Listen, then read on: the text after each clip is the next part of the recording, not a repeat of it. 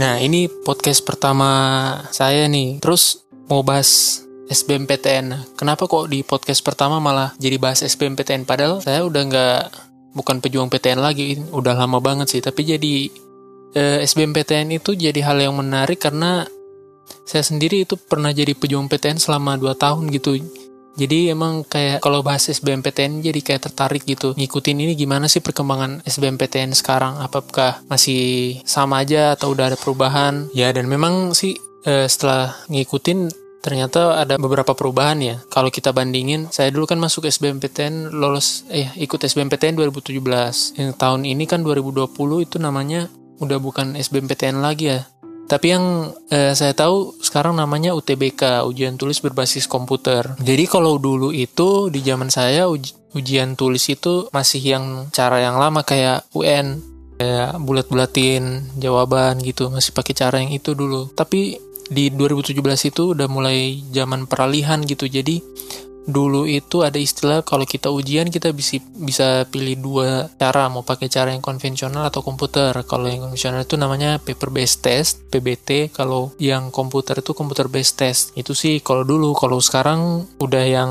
berbasis komputer ya semuanya Terus kalau dulu itu kita kalau milih PTN itu bisa tiga, tiga PTN, tiga jurusan gitu kan. Tapi salah satunya itu harus yang lokal alias itu di regionalnya kita salah satunya. Kalau sekarang itu cuma dua, tapi bisa di PTN mana aja. Nah ini menurut saya sih agak sayang ya, soalnya jadi mengurangi kesempatan kita gitu. Kalau kita bisa nyoba tiga, tiga perguruan tinggi, meskipun lokal kan nggak apa-apa kan. Kalau dulu itu juga kita kan kalau ujian ada dua modul nih untuk yang tes ini yaitu TPA, tes potensi akademik dan TKD, tes kemampuan dasar.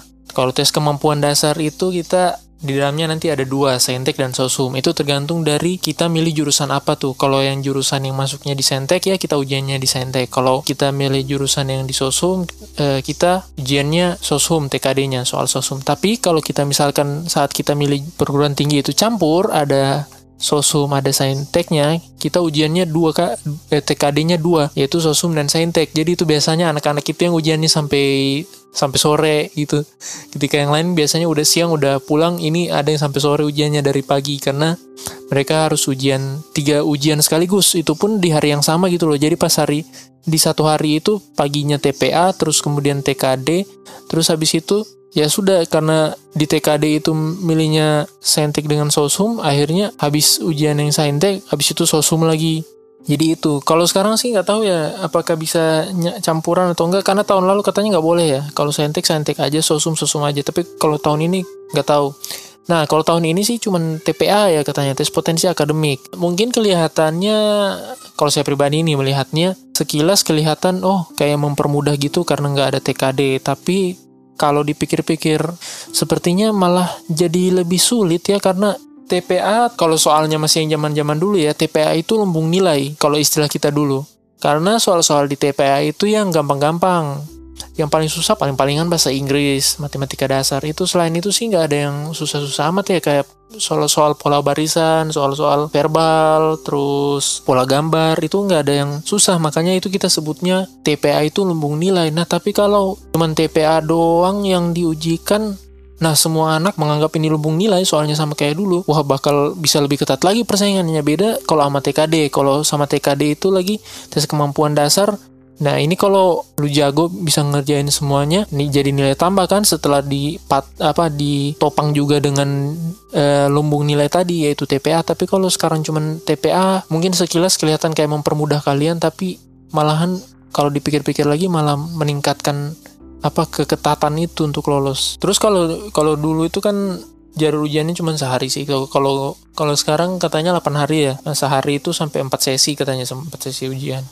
Ya oke okay, mungkin karena udah mengaplikasikan komputer based test secara keseluruhan jadi ya harmaklum lah kan dengan jaringan kita dan sumber dayanya kita yang kita punya ini mungkin masih terbatas jadi suka dibagi sesi gitu.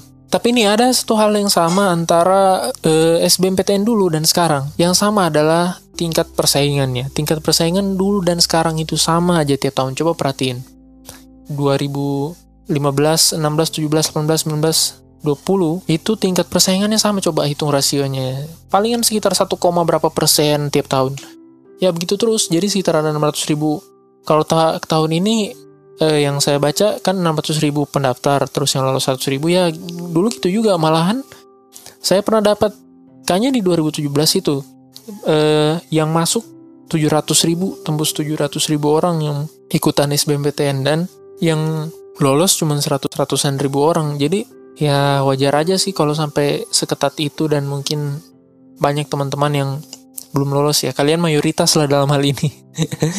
Jadi nggak perlu eh, mungkin lebih baik untuk mengkoreksi diri aja sih daripada harus down sampai depresi gitu. Kita kaji diri kita aja lah. Jadi yang kita bahas sekarang misalkan kalau eh, kalian itu gagal tuh di tes SBMPTN karena banyak banget teman-teman itu yang kayaknya kecewa banget gitu down sebenarnya jangan sampai boleh sih sedih boleh. Tapi jangan sampai luput dalam kesedihan gitu loh karena sebenarnya masih banyak kesempatan-kesempatan lain nih. Apalagi sekarang katanya kan kalau kalau ikut tes mandiri sekarang ke di PTN itu mah pakai nilai SBMPTN jadi eh, di satu sisi juga ya nilai SBMPTN dibandingkan zaman dulu jadi useful banget ya untuk sekarang. Karena bisa dipakai untuk tes mandiri baik baik di PTN maupun PTS loh. Jadi kalau dulu zaman saya dulu itu kebijakan untuk mengambil nilai SBMPTN sebagai eh, patokan untuk seleksi mandiri itu dikembalikan ke masing-masing kampus. Dulu itu salah satunya yang menggunakan nilai SBMPTN untuk jalur masuk mandiri itu UNS Solo. Saya masih ingat itu karena pernah ikutan juga di situ. Jadi pertimbangan juga. Jadi ketika merasa down begini jangan jangan dulu kayak gimana. Pokoknya coba kalau misalkan ada tes mandiri coba lagi daftar untuk tes mandiri. Terus eh, ketika kita gagal tes SBMPTN coba yang untuk masuk PTN coba pertimbangkan untuk masuk politeknik. Nah, terutama nih ya kalau misalkan teman-teman milihnya atau minatnya di jurusan teknik, e, masuk politeknik itu asik loh. E, bahkan saya sendiri kan nggak bukan anak politeknik, tapi kalau kita di teknik ini, anak politeknik itu lebih e, kayak lebih paham tuh masalah praktiknya di lapangan. So, e, masuk politeknik itu worth it loh. Seriusan, bisa ambil di D4 yang sebenarnya setara aja dengan S1, cuman kalau di teknik S1-nya itu gelarnya nanti ST, kalau mereka Ester, sarjana terapan. Pertimbangin aja untuk masuk politeknik, kan itu kalau nggak salah kan ada SBMPTN Politekniknya. Jadi coba deh pertimbangkan dan coba searching-searching mengenai uh, Politeknik apa yang dipelajarin. Kemudian juga kalau kita ketika kita gagal tes SBMPTN coba pertimbangkan untuk masuk PTS. Kalau pertimbangannya karena masalah kualitas, Mia e, untuk masa-masa sekarang udah banyak tuh PTS yang kualitasnya ya setara lah dengan PTN terutama yang kayak di kampus-kampus yang PTS yang di Jawa ya. Beberapa kampus itu udah ma udah maju loh. Bahkan bisa lebih maju dari PTN PTN PTN daerah. Ini jujur aja nih kayak yang di Jawa kan kita bisa lihat akreditasinya gitu. Udah banyak itu PTS yang akreditasinya A akreditasinya jurusannya juga A. Ya jadi masuk PTS juga wajib dipertimbangin sih. Cuman itu sih masalahnya. Kalau masuk PTS itu biayanya yang tinggi.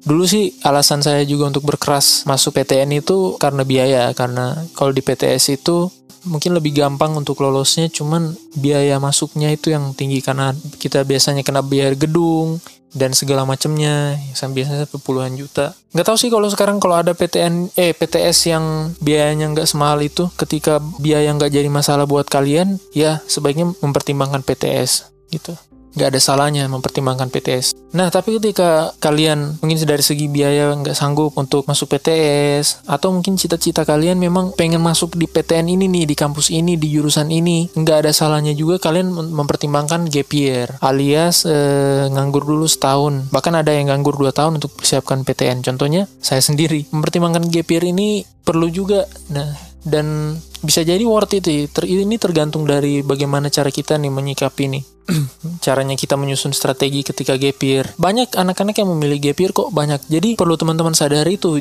dari 600 ribuan pendaftar itu di antaranya ada mereka-mereka yang udah gap year baik satu tahun maupun dua tahun. Nah makanya mereka itu udah belajar lebih keras dari kalian loh. Jadi Makanya mereka yang biasa menambah juga keketatan persaingan untuk masuk perguruan tinggi. Ketika teman-teman memutuskan gap year, yang paling penting itu adalah teman-teman menyusun strategi. Strategi selama setahun. Teman-teman belajar itu kayak gimana, nyusun tujuannya kayak gimana. Pokoknya susunlah serinci-rincinya gitu caranya. Jalannya teman-teman bisa sampai ke situ itu harusnya kayak gimana gitu. Karena tantangannya kalau gap year itu adalah eh, distraksi. Ada banyak distraksi tuh karena ini kan libur dan teman-teman apa jadi punya banyak waktu dan ini waktunya bisa gampang sekali teralihkan gitu. Yang harusnya teman-teman belajar untuk masuk PTN ya malah kadang-kadang sudah ke distraksi masuk ke main-main. Memilih gap year ini juga worth it bukan cuma dalam sisi untuk eh, belajar lagi tapi juga untuk develop diri tuh. Kayak kita coba explore explore lagi mengenai diri kita kita rubah cara pandang kita tuh. Karena kalau saya pribadi waktu waktu gapir justru banyak merubah eh, diri saya sendiri cara pandang saya mengenai itu kuliah nih. Kalau bicara kuliah malah bisa lebih dari itu sih sampai jauh banget ke masalah kehidupan itu kayak gimana.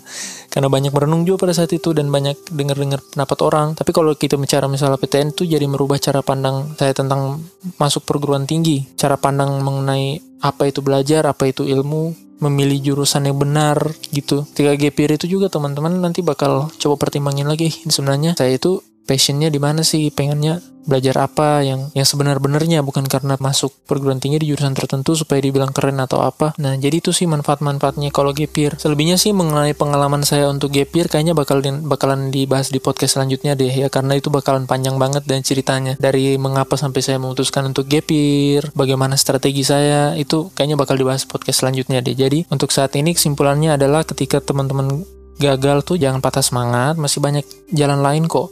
Teman-teman bisa ikut tes mandiri, teman-teman bisa untuk pertimbangan untuk masuk politeknik, teman-teman bisa masuk PTS ketika biaya bukanlah kendala bagi teman-teman. Atau teman-teman bisa mengambil gapir. Jadi ini pilihan-pilihan yang bisa teman-teman pertimbangin nih. Jadi yang penting jangan down dulu, jangan patah semangat sih jangan sampai tenggelam tuh dalam kesedihan cepet-cepet bangkit dan cepet-cepet atur strategi demi masa depan kalian gitu aja sih terima kasih untuk teman-teman yang udah mendengarkan. Kalau suka dengan podcast ini silahkan ikuti ya